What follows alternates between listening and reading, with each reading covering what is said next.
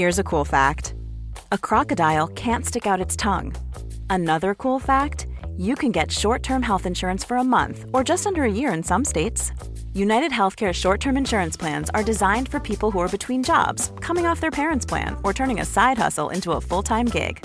Underwritten by Golden Rule Insurance Company, they offer flexible, budget friendly coverage with access to a nationwide network of doctors and hospitals. Get more cool facts about United Healthcare short term plans at uh1.com. Selling a little or a lot? Shopify helps you do your thing however you cha-ching. Shopify is the global commerce platform that helps you sell at every stage of your business. From the launch your online shop stage to the first real life store stage, all the way to the did we just hit a million orders stage.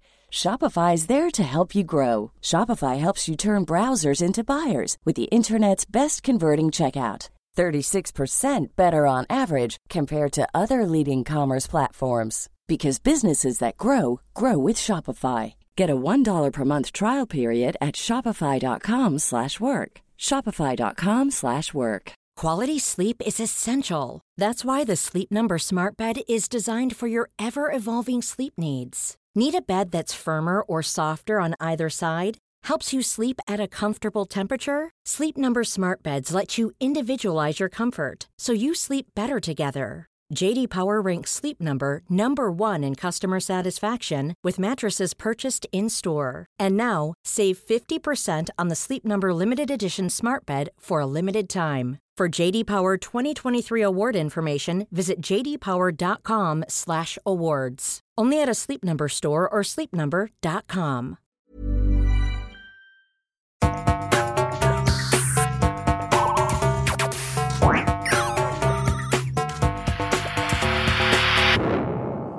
Velkommen til Sinnsyn.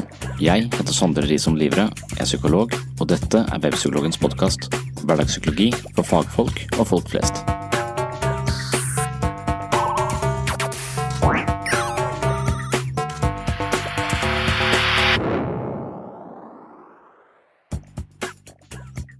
Vi er både gode og onde. Ved forsvarsmekanismen splitting adskilles disse aspektene, og personen opplever seg selv og andre i sort eller hvitt. Det skaper uforutsigbare humørsvingninger og ustabile relasjoner. Noen mennesker har altså en tendens til å oppfatte seg selv og verden i en slags sort-hvitt-modus. De har problemer med å se nyansene i tilværelsen og integrere flere aspekter i sin oppfattelse av seg selv og andre.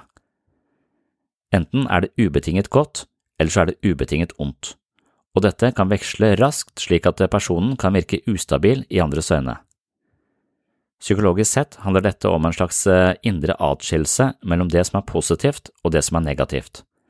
Å ta inn over seg at eh, andre personer kan være både gode og onde, er komplisert å forholde seg til. Mennesker som fungerer med splitting som psykologisk forsvar, tenderer derfor til å idealisere den andre eller svartmale vedkommende, og det finnes ingen mellomting. En person hvis psykiske forsvarsmekanismer sentreres rundt det vi her kaller for splitting, kan eksempelvis tviholde på humanistiske verdier, men samtidig være hensynsløs overfor sine barn eller underordnede uten å oppleve dette som konfliktfullt. De sadistiske og de idealistiske behovene holdes på sett og vis atskilt gjennom en indre psykisk spaltning. Personen som håndterer tilværelsen gjennom bruk av splitting, kan ikke fungere i ekte, intime forhold fordi de i altfor liten grad evner å integrere gode og onde sider, noe som skaper kaos, uforutsigbarhet og voldsomme humørsvingninger i deres forhold til andre mennesker, og ofte er det mest utpreget i parforhold og kjærlighetsforhold hvor partene kommer svært nær hverandre.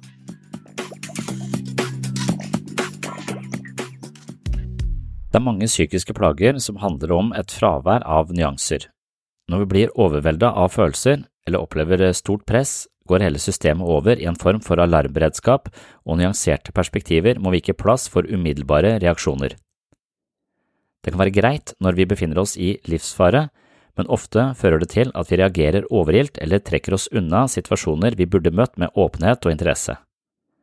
Blant de psykiske plagene som i størst grad assosieres med en form for svart- eller hvitt-modus, er borderline personlighetsforstyrrelse eller emosjonelt ustabil personlighetsforstyrrelse, borderline type, og kanskje det som kalles for bipolar lidelse. Dette er to helt forskjellige psykiske plager, men begge involverer store skift i pasientens opplevelsesmodus. Jeg vil innlede med en kort beskrivelse av disse to lidelsene med hensyn til karakteristiske symptomer og kjennetegn. Først emosjonell ustabil personlighetsforstyrrelse av borderline type. Her foreligger en intens frykt for å bli forlatt. Personen kan iverksette nærmest ekstreme tiltak for å unngå reell eller innbilt separasjon eller avvisning. Det er et mønster av ustabile og intense forhold. Personen med denne lidelsen har en tendens til å idealisere andre i det ene øyeblikket, men nærmest uten forvarsel kan de forandre syn på denne personen og se vedkommende som grusom. De skifter raskt mellom idealisering og total devaluering eller hat og kjærlighet. Relasjoner med personer som har en eh, borderline-organisering, rent sånn psykologisk sett, kan altså utarte seg som en emosjonell berg-og-dal-bane. Et annet kjennetegn er raske endringer i egen identitet og selvbilde, noe som også inkluderer skiftende mål og verdier. I det ene øyeblikket føler man seg storarta og fantastisk, mens kort tid etter kan man ha en intens følelse av mindreverd. Noen beskriver en følelse av å være så ubetydelig at de nesten ikke eksisterer i det hele tatt. Ved denne typen forstyrrelser kan man også oppleve perioder med stressrelatert paranoia og tap av kontakt med virkeligheten, som varer fra noen minutter til noen timer. Det vil si at personen med en alvorlig personlighetsforstyrrelse i dette spekteret kan tippe over i psykose eller grensepsykose i situasjoner som er følelsesmessig krevende. Det er heller ikke uvanlig at man finner både impulsiv og risikofylt atferd i dette spekteret.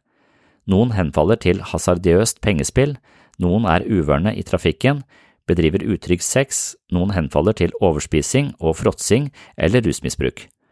Man kan også finne en type selvdestruktiv atferd hvor personen plutselig sier opp en god jobb uten et annet alternativ, eller gjør det slutt med en kjæreste selv om forholdet var veldig bra.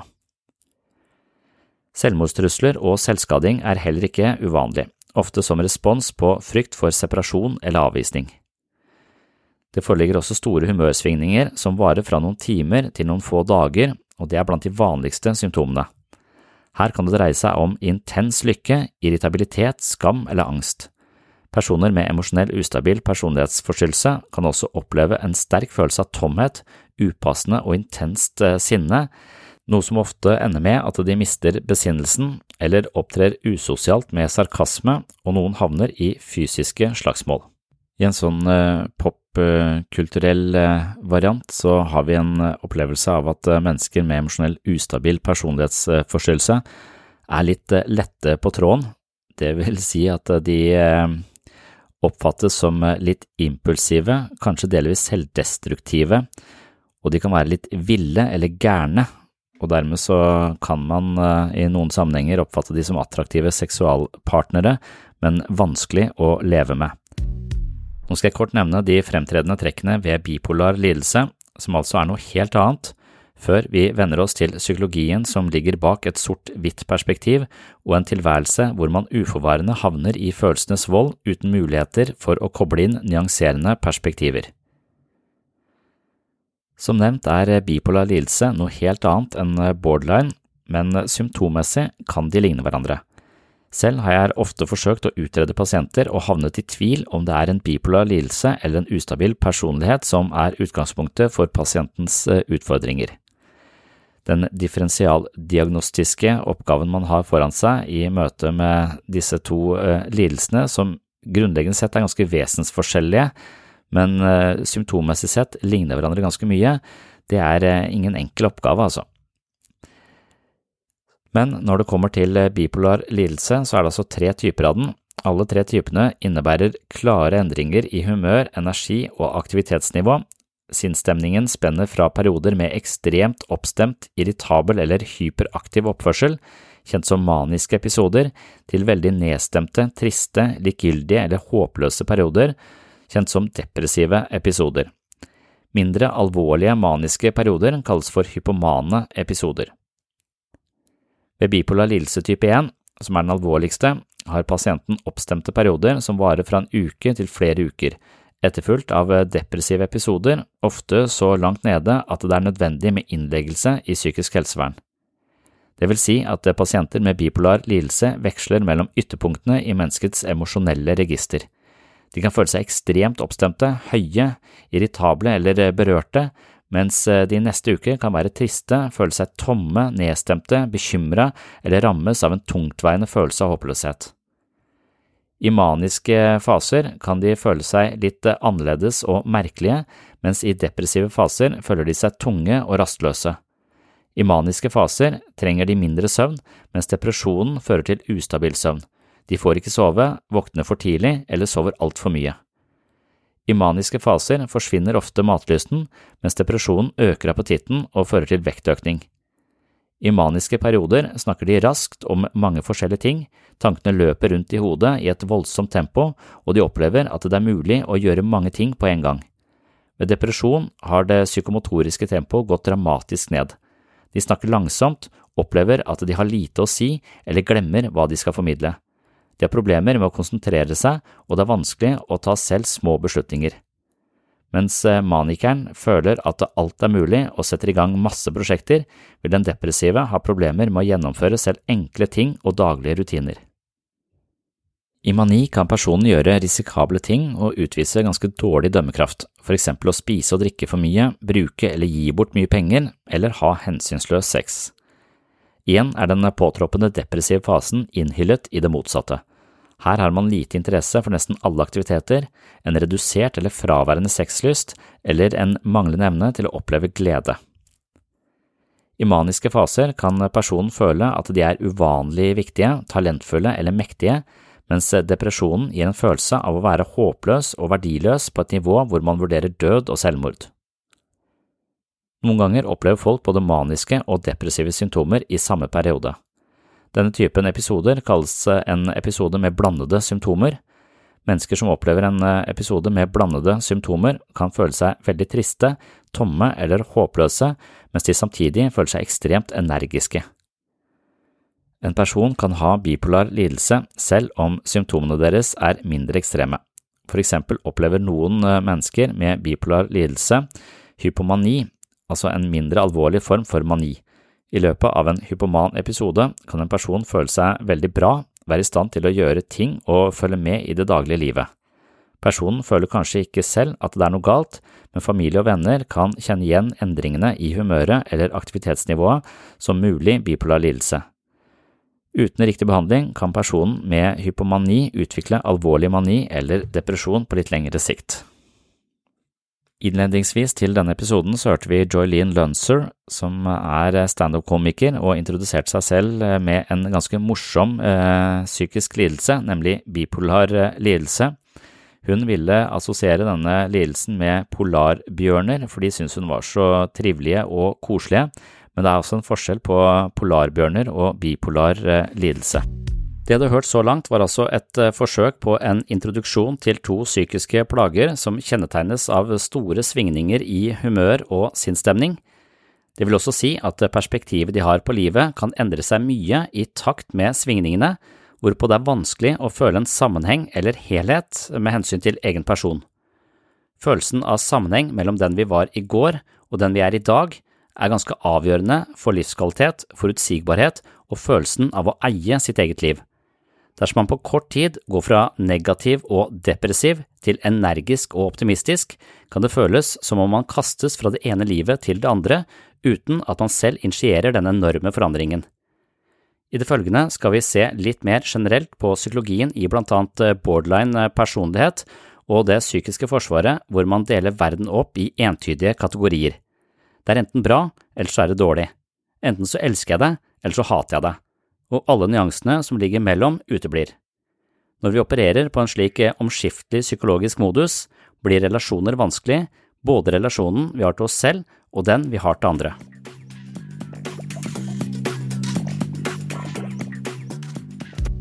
Splitting er altså en psykisk forsvarsmekanisme som sørger for at personens oppfattelse av seg selv og andre deles opp i forenklede kategoriseringer basert på godt eller ondt. Et lite barn deler også opp verden i godt og ondt fordi det er vanskelig å forholde seg til nyansene. Å innse at et annet menneske kan være både snilt og slemt, krever en ganske avansert håndtering og integrering av flere perspektiver på en gang, noe små barn ikke evner. For at ikke verden skal bli uoversiktlig og kaotisk, opererer barnet med enklere kategorier. Den moren som kjeftet på barnet, holdes på sett og vis atskilt fra den moren som trøstet barnet, selv om det selvfølgelig er samme mor. På et tidlig stadium holder altså barnet de negative og de positive aspektene fra hverandre, og slik blir tilværelsen mer oversiktlig og samtidig tryggere. Å forholde seg til en mor som både kan være slem og snill, er utrygt for et lite barn. Og det er slem og snill i hermetegn, det er altså relative begreper. Ofte så vil man si den onde moren er rett og slett den moren som ikke tilfredsstiller barnets behov umiddelbart. For et lite barn har en slags sånn omnipotent forestilling om at eh, mine behov kan dekkes bare jeg tenker at, de, at jeg trenger pupp, så kommer puppen. Og det er altså denne tilstedeværende moren eller faren som eh, er sensitiv overfor barnets behov og tilfredsstiller barnet så barnet føler eh, seg trygt og ivaretatt. Men så er det også foreldre som eh, ikke er så til stede. Kanskje de sitter på Facebook, kanskje de har gått seg en tur og glemt barnet i verste fall. Det er mange grader av omsorgssvikt her hvor barnets behov ikke blir tilfredsstilt, og barnet blir frustrert og går inn i en type panikk osv., og, da, da, refererer man som en slags overordnet kategori til den onde forelderen, da. Så har du den snille forelderen som dekker barnets, eh, barnets behov. Så her er det gradsforskjeller i hva man eh, kaller slem og snill, men eh, det refererer altså til i hvilken grad man klarer å ivareta barnets behov på en tilfredsstillende måte. Men den forelderen som klarer å ivareta barnets behov, og den forelderen som ikke klarer å ivareta barnets behov, det er jo ofte den samme forelderen. Av og til så er vi Eh, parate. Av og til så er vi den beste varianten vi klarer å, å være av oss selv som forelder og gjør en god jobb, mens andre ganger så er vi selv mer pressa og svikter på litt flere områder. Så dermed så har vi jo både de gode og de onde sidene i oss, men i bevisstheten til det lille barnet så holdes disse fra hverandre. Så det å være så på sett og vis så, så er man to personer da, i, i, barnets bevissthet. Man er den som ikke strekker til, og den som strekker til. Og når man er den som strekker til, så er det bare den barnet ser. Man idealiserer foreldren og det man trenger det, for du er min omsorgsperson, og jeg kan ikke forholde meg til deg hvis du også er en person som svikter meg. Så derfor så holdes dette atskilt, da. Et eh, annet illustrerende eksempel på det jeg nå har snakket om, er barnet som legger seg på kvelden Ofte er det slik at barna har en bamse eller en eh, form for eh, trygghetsskapende gjenstand med seg i senga. Psykologisk sett er det som regel slik at eh, alt det som er trygt og godt i barnets omgivelser, eksempelvis den snille forelderen, plasseres i bamsen, og barna holder bamsen tett inntil seg når de skal sove. Alt det som virker skummelt og farlig, eksempelvis den kjeftende mammaen eller pappaen, plasseres derimot i skapet inkarnert som et monster. Det skal lengst mulig unna, men selv om barnet gjemmer monsteret og spøkelsene i skapet, hender det at foreldrene må inn for å avkrefte monsternes eksistens. Her er det ingen monstre, konstaterer far og lukker igjen skapdøra. Og rent fysisk sett er det sannsynligvis ingen monster i skapet, men psykologisk sett finnes det noen monstre i barnet som ennå ikke er integrert i barnets opplevelsesverden. Gjennom en trygg og god oppvekst vil barnet langsomt klare å se flere og flere nyanser i seg selv og andre. De vil klare å håndtere motstridende følelser, tanker og opplevelser ved hjelp av refleksjon og psykologisk innsikt. I tilfeller hvor barnet ikke har eh, trygge nok omgivelser eller opplever store traumer gjennom oppveksten, kan det hende at det behovet for å splitte verden i enklere kategorier består også ut i voksen alder. I slike tilfeller skaper splitting som regel store emosjonelle og sosiale problemer for individet. Og det jeg nå har pekt på, er igjen denne psykologien som sier at eh, de tidligste leveårene våre er særdeles eh, avgjørende for hvordan vi fungerer som voksenpersoner. Så mange av de psykiske plagene vi eventuelt opplever i voksenlivet, de har altså sine røtter i våre tidligste leveår, og gjerne i forhold til våre omsorgspersoner.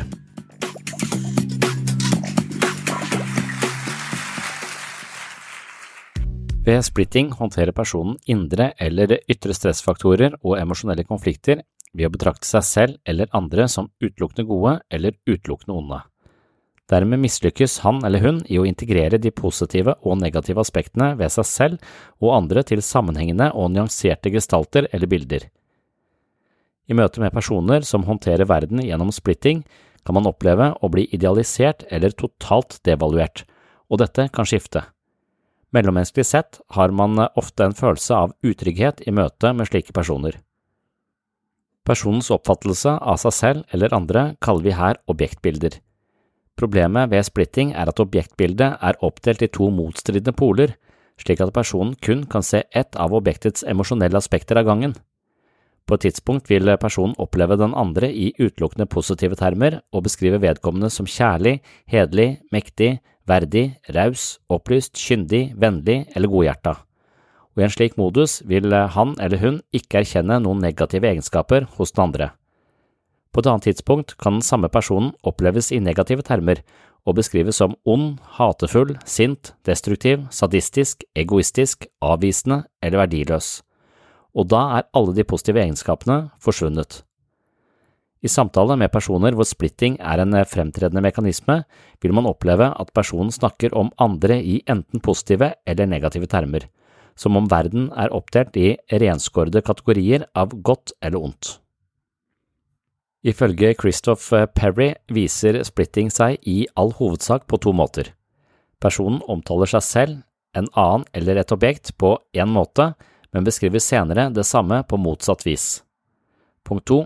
Hvert objektbilde slås sammen med andre objektbilder i én av to kategorier. Enten er de gode, eller så er de onde, og det finnes ingen mellomting. I en gitt situasjon hvor personen føler noe bestemt overfor en annen, kan ikke personen integrere nye følelser i situasjonen som ikke har samme valør. Alle egenskaper med samme følelsesmessig tone forsterkes, og dersom ny informasjon kommer inn i situasjonen, og man kunne forvente at dette ville endre noe i det følelsesmessige klimaet, vil det ikke skje.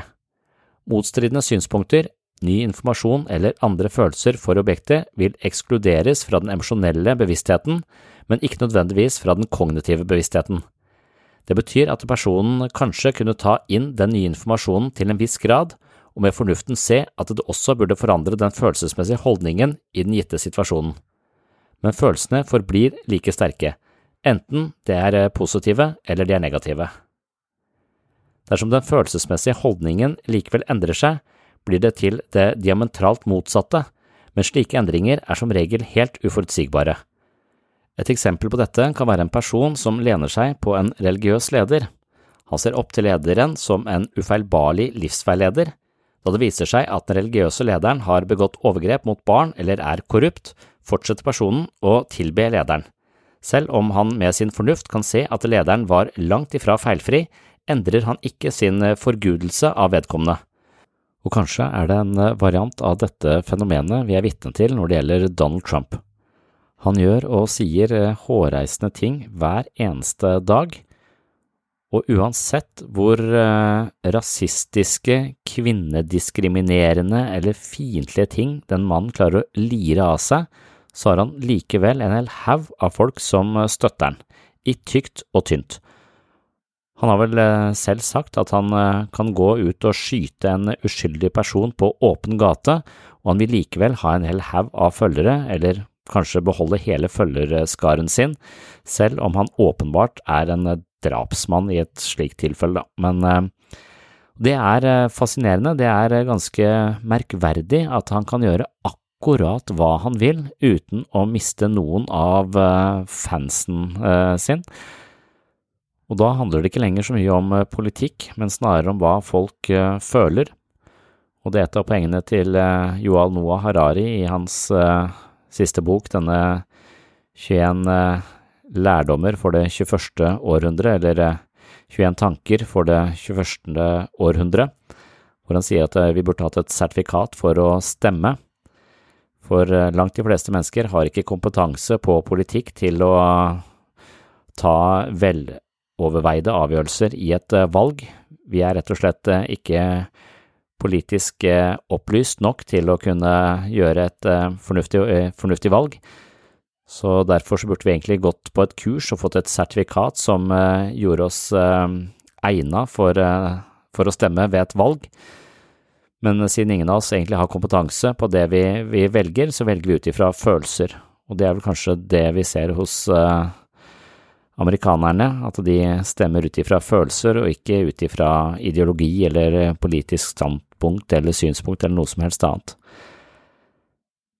Så det er eh, fascinerende og kanskje litt eh, trist at, at vi kan ha en sånn sinnssyk fyr som verdensleder, Og uansett hva han gjør, så sverter det ham ikke på noe som helst eh, måte. Folk eh, idealiserer han, og selv om de rent eh, kognitivt sett, rent fornuftsmessig sett, innser at han gjør hårreisende ting, så endrer ikke det det faktum at de stemmer på han og har en slags positiv følelse av denne giganarsissisten som åpenbart bare er ute etter å mele sitt eget eh, ego.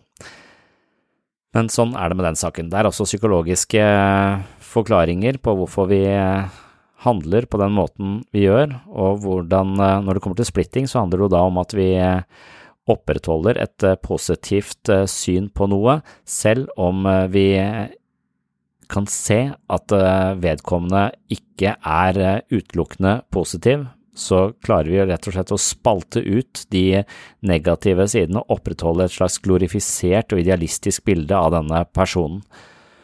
Og dette spiller eh, Trump eh, på. Han eh, er fri til å gjøre hva han vil, fordi at folk som har investert mye i han, i å se han som en slags Make America Great Again-figur, de har ikke råd til å, å på en måte integrere alle disse fordervelige aspektene som er ved denne mannen, dermed så beholder de dette glorifiserte bildet. Og dette skjer i ganske stor skala, da. Det blir spennende å se ved valget nå. Og det kan jo godt hende at denne episoden postes eh, når det valget allerede er over, så da vet vi om vi har eh,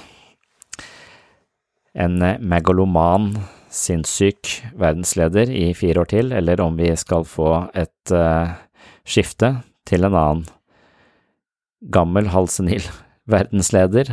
Jeg skjønner ikke hvorfor det ikke kan komme opp med noen bedre alternativer enn uh, hvite menn som skulle vært pensjonert for ti år siden. Men vi får se. Poenget er uansett at det er eh, mye psykologi på spill når vi gjør valgene våre, også når vi gjør valget av eh, Dette er kanskje demokratiets slagside. Jeg tror det var Churchill som sa at eh, demokrati er den verste styreformen som fins, bortsett fra alle de andre, og det er vel eh, litt sant i det. Vi er mange som skal være med og bestemme, og inkludert meg selv, da, så har vi rett og slett ikke kompetanse på å gjøre veloverveide og rasjonelle valg, men vi stemmer ut ifra følelser, og de følelsene er ofte belemra med en del splitting-mekanismer som sørger for at det vi har bestemt oss for er bra, blir eh, beholdt eh, plettfritt, og dermed så klarer vi ikke å se nyansene og perspektivene som skal til for å, for å ta viktige beslutninger. Så der har vi noen eh, svakheter. Og når det gjelder Trump, så er det helt eh, hårreisende hvor langt folk er eh, villig til eh, å gå for å fortsette å støtte denne megalomane halvpsykopaten. Altså, det er, det er merkverdig.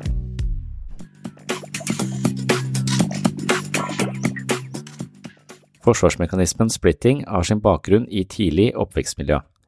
Som regel har personen vokst opp med stor grad av uforutsigbarhet og uklare eller motstridende tilbakemeldinger fra viktige omsorgspersoner. Det er gjennom andres tilbakemeldinger at barnet forstår seg selv. Når barnet utsettes for et ustabilt og uforutsigbart oppvekstmiljø, vil det få problemer med å forstå seg selv, og ikke minst seg selv i relasjon til omgivelsene. Senere i livet kan en spaltning eller splitting av selvbildet bli en konsekvens som følge av en slags innlært respons på tidlige betydningsfulle omsorgspersoners uforutsigbarhet. Barnet vet ikke hvem det er og har problemer med å utlede eget følelsesliv på en adekvat måte. Dermed fortsetter den omtalte oppdelingen av gode og onde aspekter ved en selv fordi barnet aldri har møtt den stabiliteten som skal til for å opparbeide seg et integrert og helt selvbilde. Gjennom en spalting av seg selv som person demonstrerer personen dypest sett at han eller hun har motsetningsfylte synspunkter, forventninger og følelser omkring seg selv som ikke kan forenes i en sammenhengende selvforståelse. Det fører videre til et kaotisk indre liv med store og til dels uforutsigbare humørsvingninger. Hos disse personene er altså selvbildet Here's a cool fact. A crocodile can't stick out its tongue. Another cool fact, you can get short-term health insurance for a month or just under a year in some states. United Healthcare short term insurance plans are designed for people who are between jobs, coming off their parents' plan, or turning a side hustle into a full time gig. Underwritten by Golden Rule Insurance Company, they offer flexible, budget friendly coverage with access to a nationwide network of doctors and hospitals. Get more cool facts about United Healthcare short term plans at uh1.com. Hey, I'm Ryan Reynolds. Recently, I asked Mint Mobile's legal team if big wireless companies are allowed to raise prices due to inflation. They said yes. And then when I asked if raising prices technically violates those onerous two year contracts, they said, What the f are you talking about, you insane Hollywood ass? F- So to recap, we're cutting the price of Mint Unlimited from $30 a month to just $15 a month. Give it a try at mintmobile.com slash switch. $45 upfront for three months plus taxes and fees. Promo rate for new customers for limited time. Unlimited more than 40 gigabytes per month. Slows. Full terms at mintmobile.com. One size fits all seems like a good idea for clothes until you try them on. Same goes for healthcare. That's why United Healthcare offers flexible, budget friendly coverage for medical, vision, dental, and more. Learn more at uh1.com. grovt sett oppdelt i to motsatte poler, negativt og positivt, mens personens bevissthet begrenser seg til én av polene av gangen. På den måten har vedkommende kun adgang til de aspektene som har samme emosjonelle tone på et gitt tidspunkt. Derfor assosieres eh, denne typen problematikk til det man på folkemunne kaller svart-hvitt-tenkning. Forsvarsmekanismer er sykens immunforsvar. Forsvaret skal beskytte oss mot angstprovoserende følelser og emosjonelle konflikter som virker truende eller så omseggripende at vi risikerer å overrumples av følelser eller gå i stykker rent psykologisk sett. Forsvaret er altså et system som skal beskytte oss, men av og til kan det ha store omkostninger når følelser og konflikter holdes utenfor bevisstheten. Spørsmålet er hvilken funksjon splitting egentlig tjener. Dette er også interessant i forhold til at splitting veldig ofte skaper store problemer for individet både på et følelsesmessig og et eh, relasjonelt nivå. Først og fremst er splitting et forsvar som sørger for at personens gode objektbilder ikke trues av mer skremmende objektbilder. Gode objektbilder forblir på den måten plettfrie. En annen funksjon ved splitting handler om den angsten personen føler dersom han eller hun gir uttrykk for sine behov, følelser eller ønsker overfor en annen. Som barn har vedkommende gjerne opplevd uforutsigbare reaksjoner i slike situasjoner, og dermed har det blitt utrygt å be om noe eller gi uttrykk for sine følelser. Ved hjelp av splitting dempes angsten forbundet med å registrere andres reaksjoner når han eller hun har uttrykt et behov, et ønske etc. En person som bruker splitting, tror det er umulig å forutse hvordan andre vil oppføre seg mot han eller hun, og dermed blir det skummelt å uttrykke seg i det hele tatt. For å lette denne oppgaven deler personen andre inn i kategoriene godt eller ondt, basert på stilltiende tegn og signaler. Eksempelvis kan vedkommende dra en slutning som han beit seg i leppa når jeg kom inn i rommet, derfor hater han meg. Et annet eksempel, forankret i personens indre følelser, kan være følgende Jeg er så udugelig og slem, derfor hater de andre meg, så jeg trekker meg unna. Det er ingen grunn til å åpne seg for mennesker som misliker meg så mye. Innenfor psykisk helse ser man ofte hvordan historien gjentar seg. Vi ser at mennesker ofte kommer i de samme konfliktene som preget deres barndom, også senere i livet. Ved forsvarsmekanismen som her kalles splitting, er det spesielt tydelig. Personer som henfaller til splitting, virker uforutsigbare og irrasjonelle overfor andre, akkurat slik de selv ble behandlet gjennom oppveksten av betydningsfulle voksenpersoner. Splitting er et såkalt maladaptivt eller lite gunstig forsvar fordi det forstyrrer personens indre følelsesliv i stor grad og ødelegger for relasjonen til andre. Personen er lite fleksibel i sin måte å reagere på, og vil derfor gå glipp av mange potensielt sett verdifulle sosiale og intime forbindelser. Isteden lever personen i en verden som er skarpt oppdelt i venner og fiender, men disse relasjonene er ikke realistiske fordi de på ingen måte tar hensyn til andres reelle karaktertrekk og egenskaper. Når det gjelder splitting av eget selvbilde, har det også en ganske bestemt funksjon. Omgang med uforutsigbare mennesker betyr at man må håndtere tilbakemeldinger på egen person som er uberegnelige. Splitting forsvarer personen mot angsten forbundet med dette ved å fastholde et bestemt selvbilde uansett hvordan andre oppfatter og ser vedkommende. Slik slipper man for å bli følelsesmessig forulempa av andres tilbakemeldinger. Det minimerer rett og slett angsten forbundet med forsøk på å forutsi tilbakemeldinger fra uforutsigbare mennesker. Noen ganger møter man mennesker som virker tilsynelatende fastlåste i svært negative tanker om seg selv. Dersom man forsøker å påpeke positive egenskaper eller aspekter overfor dem, avvises dette kategorisk. I et slikt tilfelle kan det virke som om vedkommende er i en slags trassig opposisjon mot alt som er positivt, men det kan også dreie seg om en splitting av selvbildet som psykisk sett tjener en bestemt funksjon, men ulempen er at personens selvbilde blir ufleksibelt overfor omgivelsenes realitet. Personen er ufølsom og lite sensitiv for relasjoner som kan være givende og positive, til forskjell fra de uforutsigbare relasjonene fra oppveksten. Ufølsomhet overfor motsetningsfulle opplevelser av seg selv var i utgangspunktet en beskyttelsesmekanisme, men senere i livet forstyrrer det mellommenneskelige egenskaper og følelseslivet på uheldige måter. Det er altså mulig å se på seg selv som eh, fantastisk i det ene øyeblikket og totalt talentløs og sjanseløs og udugelig i det neste øyeblikket, og disse to modusene de holdes uh, fra hverandre, og det fører jo til en uh, følelsesmessig ustabilitet som kjennetegner denne emosjonelt ustabile personlighetsforstyrrelsen. Men i et litt sånn lengre perspektiv, hvorpå man i det ene øyeblikket, eller kanskje i lengre faser, ser på seg selv som langt over middels eh, talentfull og energisk og oppe, så har man altså en følelsesmessig, er man på en slags følelsesmessig bølge eh, av eh, eufori og entusiasme som kan ligne manien, hvorpå man senere havner ned i et mørkt hull og ikke klarer å stå opp om morgenen og ikke skjønner hva vitsen med å stå opp om morgenen er i det hele tatt. Så, så du har disse store svingningene og i bånn av dette så kan man forestille seg at det ligger et, eh, et eh, forsvar som også sentreres rundt eh, splitting.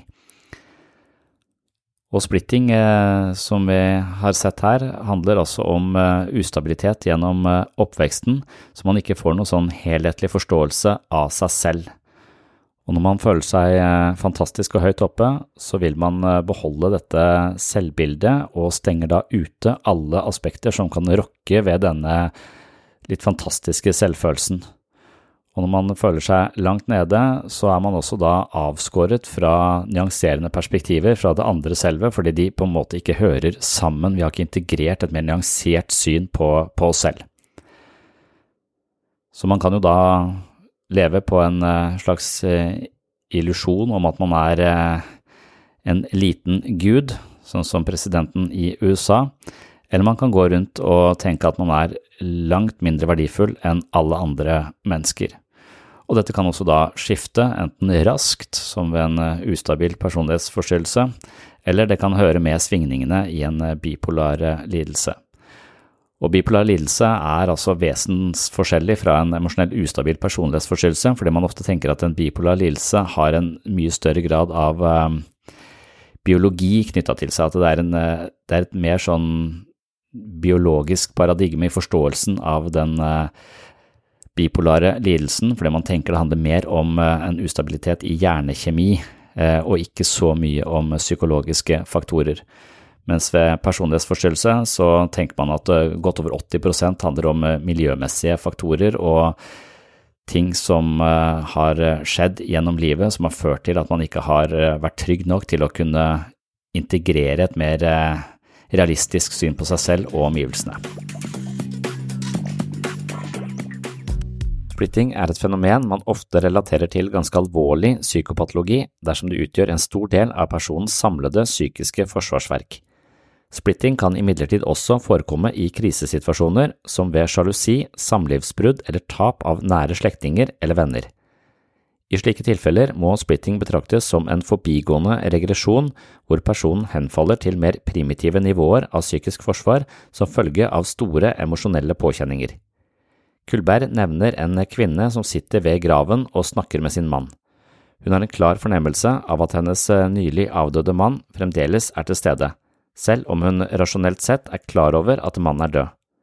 Disse aspektene holdes imidlertid fra hverandre, og her gir splitting-mekanismen en slags trøst i sorgen. Som nevnt fører splitting til ufleksible og unyanserte objektbilder, uforutsigbare forandringer av den følelsesmessige stemningen og mellommenneskelig turbulens. I en italiensk opera er man ofte vitne til sterke følelser som ofte skifter mellom inderlig kjærlighet og stor skuffelse. Jeg elsker deg, jeg elsker deg ikke, jeg elsker deg, osv. Omtrent slik kan det oppleves å leve nært på mennesker som har med seg splitting som en overlevelsesmekanisme fra en ustabil barndom. Forholdet kan oppleves som en følelsesmessig berg-og-dal-bane. Det er stadig sterke følelser på spill i sprikende retninger, og det kan virke utmattende og gi grobunn for mye krangling og dårlig kommunikasjon. I boken til Christopher Perry om klinisk vurdering av de psykiske forsvarsmekanismene fremgår det en hel del beskrivelser av forsvarsmekanismer i praksis. Hvordan kommer de til uttrykk i hverdagen og mellommenneskelige situasjoner? Følgende er en oppsummering av tegn på bruk av splitting. Det første punktet. Personen snakker om seg selv i enten negative eller positive termer, og gir sjelden et mer nyansert inntrykk av egne egenskaper eller kvaliteter. I samtale kan man legge merke til at personen motsier seg selv ved flere anledninger vedrørende positive eller negative trekk ved noen eller noe. Personen endrer holdning i løpet av samtalen uten at han eller hun virker forvirret over det plutselige skiftet. Det kan virke som om vedkommende ikke ser eller erkjenner de åpenbare motsetningsforholdene og beter seg som om det ikke foreligger noen inkonsekvens. Dersom man påpeker selvmotsigelsen i personens uttalelser, benekter personen betydningen av selvmotsigelsen og forholder seg videre til et synspunkt. Personen som opererer med splitting, klarer ikke å trekke konklusjoner ut ifra andres atferd. Det henger sammen med en generell dårlig evne til å vurdere hvordan andre kommer til å behandle dem eller reagere i ulike situasjoner. Mentalisering handler om vår evne til å forstå oss selv utenfra og andre mennesker innenfra, noe personer med et forsvar sentrert rundt splitting er svært dårlig til. De klarer ikke å utlede det mellommenneskelige samspillet på en nyansert og realistisk måte, og dermed er det lite grunnlag for å etablere gode relasjoner til andre. Ofte er det innlysende at personen har adoptert karaktertrekk fra en annen idealisert eller opphøyd person og overført disse egenskapene på en annen person i nåtid. Dermed gir han eller hun en bestemt person heltestatus, mens en annen person kan svartmales fullstendig, og det er ikke innlysende hvorfor den ene beskrives i så flatterende termer, mens den andre rakkes ned på. I møte med splitting er det ofte påfallende hvordan personen endrer beskrivelse av seg selv, ofte i løpet av en samtale. Jeg orker ikke å bry meg om hva andre mener, jeg vet at jeg er totalt udugelig og verdiløs kan personen uttrykke på et tidspunkt, mens vedkommende senere forteller at jeg vet at jeg er den som yter mest på jobb og får de beste resultatene. I samtale har personen en sterk tendens til å avvise sine tidligere prestasjoner eller handlinger som betydningsløse. Dersom man forsøker å påpeke at vedkommende har oppnådd noe, prestert noe eller handlet på en god måte tidligere, vil ikke han eller hun kunne tillegge dette noen verdi. Så konklusjonen på det hele er som følger. Splitting er dypest sett en eh, slags eh, fragmentering av psykens innhold. I frykt for å ødelegge sine gode objektbilder dersom negative aspekter presser seg på, holdes det gode og det onde atskilt. Man opplever seg selv, andre og tilværelsen for øvrig i sort-hvitt. Det fører til en ufleksibel og rigid håndtering av eget følelsesliv og sosiale forbindelser. Opprinnelig beskytter splitting oss mot angst forbundet med ustabile og uforutsigbare relasjoner i tidlig alder, men senere i livet ødelegger denne beskyttelsesmekanismen for individet både på et følelsesmessig og et mellommenneskelig nivå. Splitting tilhører det man kaller et alvorlig bildeforvrengende forsvar, og denne mekanismen relateres ofte til det man diagnostisk sett kaller emosjonelt ustabil personlighetsforstyrrelse, og gjerne da av borderline type. Selvbildet og opplevelsen av andre forvrenges, noe som avstedkommer et eh, unyansert forhold til seg selv og andre. Formålet med denne mekanismen er å opprettholde et eh, sammenhengende selv, samt unngå den fragmenteringen som oppstår når negative og overveldende impulser truer personens selv og opplevelse av tilværelsen. Under kategorien forsvarsmekanismer skriver jeg flere artikler om sykens ulike strategier for å beskytte seg mot indre og ytre stressfaktorer og emosjonelt ubehag. Noen ganger fører det psykiske forsvaret til sjelefred, mens andre ganger ender det med store problemer og psykopatologi. Disse artiklene finner du under eh, tittelen eh, Forsvarsmekanismer på webpsykologen.no. Du kan søke altså på denne kategorien forsvarsmekanismer i sidebar der, og så finner du alt vi har skrevet om psykens immunforsvar. Nå skal du få høre et lite utdrag fra et eh, foredrag jeg holdt ved UiA om eh, splitting og problemene med å leve et liv i eh,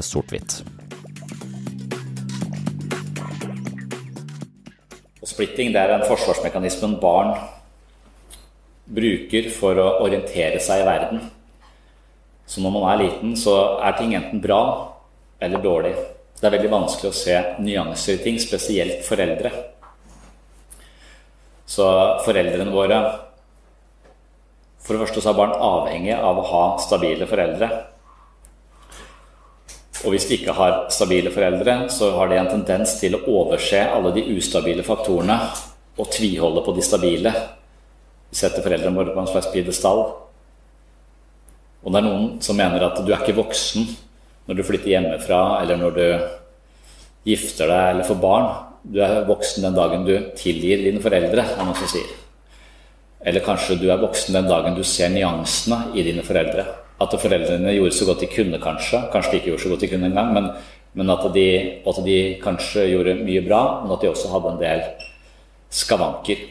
Mens eh, det er vanskelig å se disse eh, nyansene. Men etter hvert som vi blir eldre, så klarer de fleste oss å se disse nyansene og få et mer nyansert forhold til ting. Det krever trygghet. Så hvis du ikke har nok trygghet opp igjennom, så vil du ofte måtte fortsette å lene deg på et litt sånn svart-hvitt-bilde av, eh, av verden. Så, og det kan vi forstå ut ifra denne setningen. Det er bedre å være en djevel i en verden styrt av Gud enn en engel i helvete.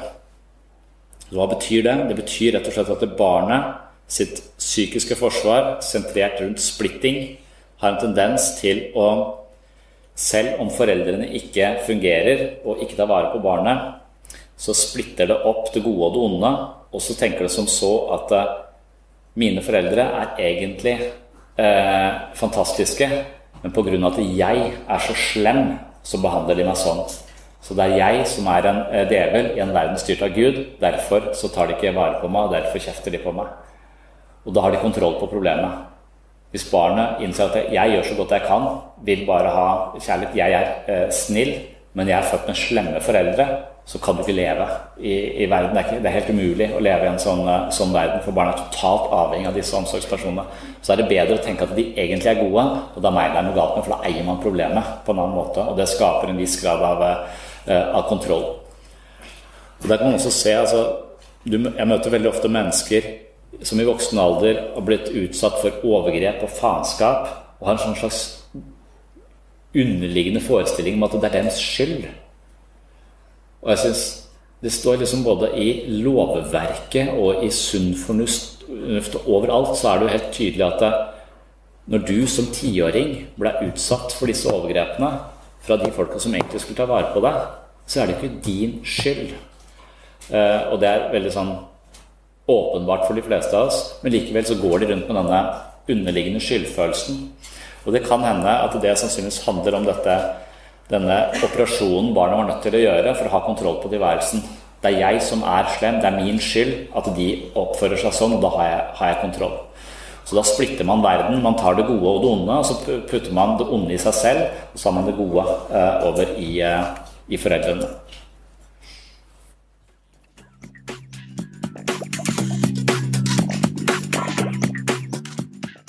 Siste del av denne episoden var kun en kort vignett fra en lengre forelesning om psykoanalytisk teori og Games People Play.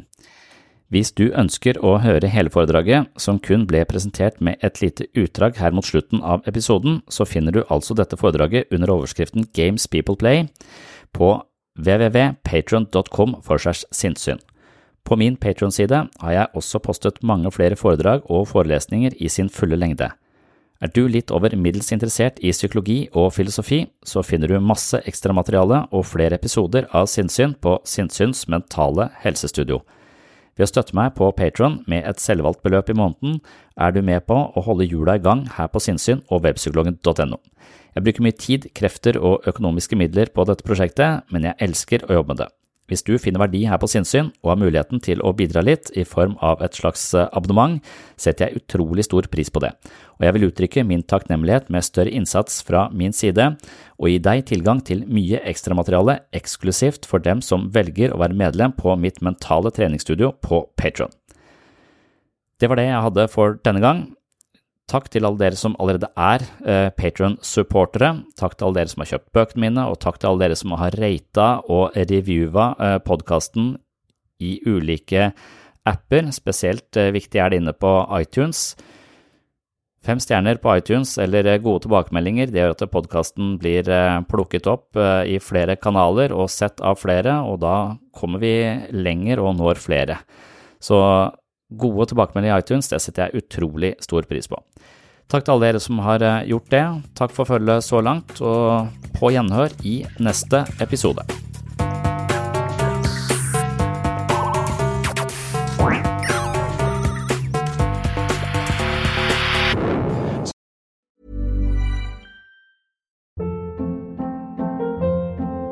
Hold up. What was that? Boring. No flavor. That was as bad as those leftovers you ate all week. Kiki Palmer here, and it's time to say hello to something fresh and guilt-free. Hello Fresh. Jazz up dinner with pecan-crusted chicken or garlic butter shrimp scampi. Now that's music to my mouth. Hello Fresh. Let's get this dinner party started. Discover all the delicious possibilities at hellofresh.com.